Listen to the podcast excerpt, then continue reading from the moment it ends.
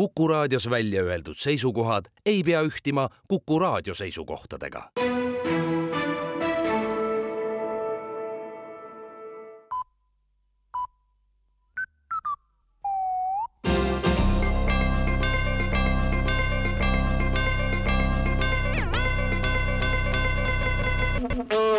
tere uudistestuudiost, mikrofoni juures Rohke Develak. Eilsel Euroopa Liidu suurkogul otsustati, et järgmisel aastal astub Euroopa Liidust välja rekordarv liikmesriike, täpselt on väljaastujaid kakskümmend kuus ja Euroopa Liitu jääb alles ainult Ungari ülejäänud liikmesriigid moodustavad uue riikide liidu, millele nime esialgu veel otsitakse. tulubaas ja seaduslik ruum jääb samasuguseks kui ennegi, kuid kõik viited Euroopa Liidule sealt kaotatakse asendatakse uue liidu nimega.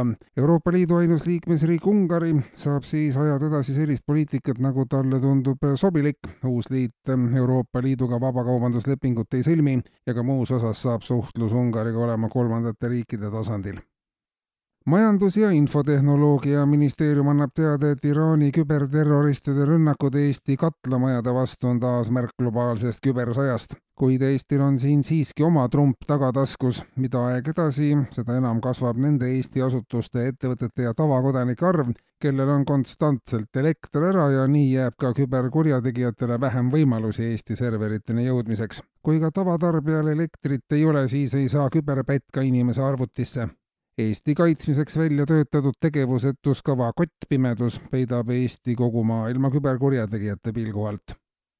veel energeetikast leti peale kavandatava tuumajaama pärast muretsevad kodanikud võivad siiski kergemalt hingata, nii teatab initsiatiivgrupp, kes jaama vastu on tegutsema hakanud gruppi kuuluvad aktiivsed kodanikuaktivistid mitmelt elualalt ja nad on uurinud tuumajaama rajajatele eelnenud õnnestumisi ja kõrvutanud saadud infot tänase päeva arengutega analüüsi tulemusel võib väita, et nii nagu Utah kõrbe rajatud põlevkivi kaevandusest ei tulnud välja midagi, ei tule midagi välja ka leti peale kavandatavast tuumajaamast. Ja aastal kaks tuhat kolmkümmend ütleb Sandor Liive, et ta isegi ei mäleta sellest midagi, kuna see oli enam kui aasta tagasi.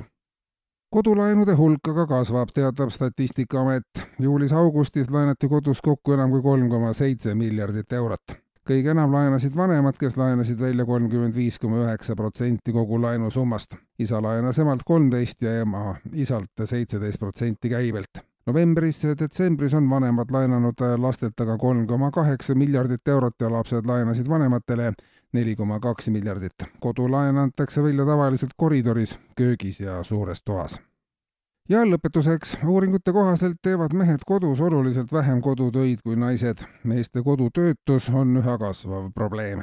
tihti on meestel kodus raskusi ka kõige väiksemate tööotste saamisega, sest enne kui mees märkab kodutöö tegemise võimalustki, on naine tema eest juba kogu kodutöö ära teinud ei aita ka töö otsimiskuulutuste panemine koduseintele, see on kaasa tulnud nüüd olukorra, kus pika ootamise peale ootamatult äh, sülle kukkunud töövõimalus kasutatakse võimalikult põhjalikult ära. on juhtumeid, kui lõpuks, kui mehel on avanenud võimalus näiteks prügiämbergi välja viia, kasutatakse sülle kukkunud õnn ära maksimaalses ulatuses ja ollakse selle ämbriga kaks nädalat kodust ära, sest kunagi ju ei tea, millal jälle kodutöid teha saab. kuulsite uudiseid.